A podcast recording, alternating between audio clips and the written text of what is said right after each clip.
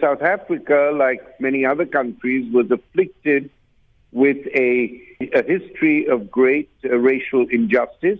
It then, with Mandela, there was a process of transition in which, of course, de Klerk also played a major role, and that it is a country of great potential in terms of human personnel, in terms of the great mix of cultures here, and uh, everything I have seen about the the South African life on the ground. I'm not talking about the political institutions at the moment.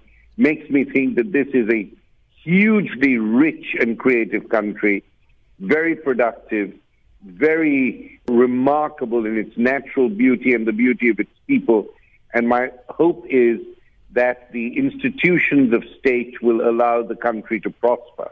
After all, this is the country has come through a very, very difficult past, where, as you know, it was almost treated as a pariah nation uh, by the rest of the world for good reasons in terms of apartheid and its racial discrimination. But I think the country has shown, under the leadership of people like Mandela, what this country is really capable of, and I think it's capable of a great deal. Soveel as wat politici 'n besliste rol het hierin, sê hy is die groot gevaar terselfdertyd dat politici die veroorsakers van struikelblokke en mislukkings kan wees.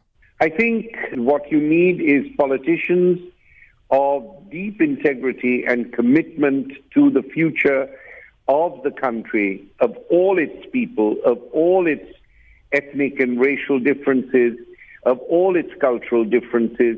And I think you need a, a government that is whose genuine interest is in the furthering of these remarkable strengths that this society has.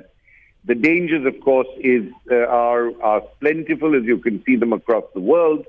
The integrity of politicians is not above question.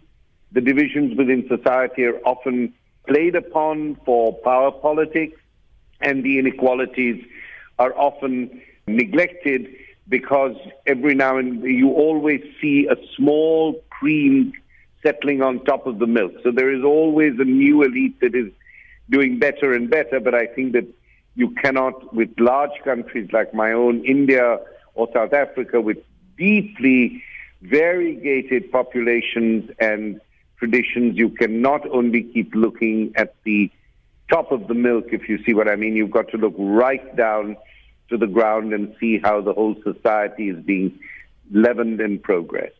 So sê professor Romy Baba van Harvard en hy word beskou as een van die wêreld se voorste postkoloniale denkleiers en hy het met Heinrich gepraat.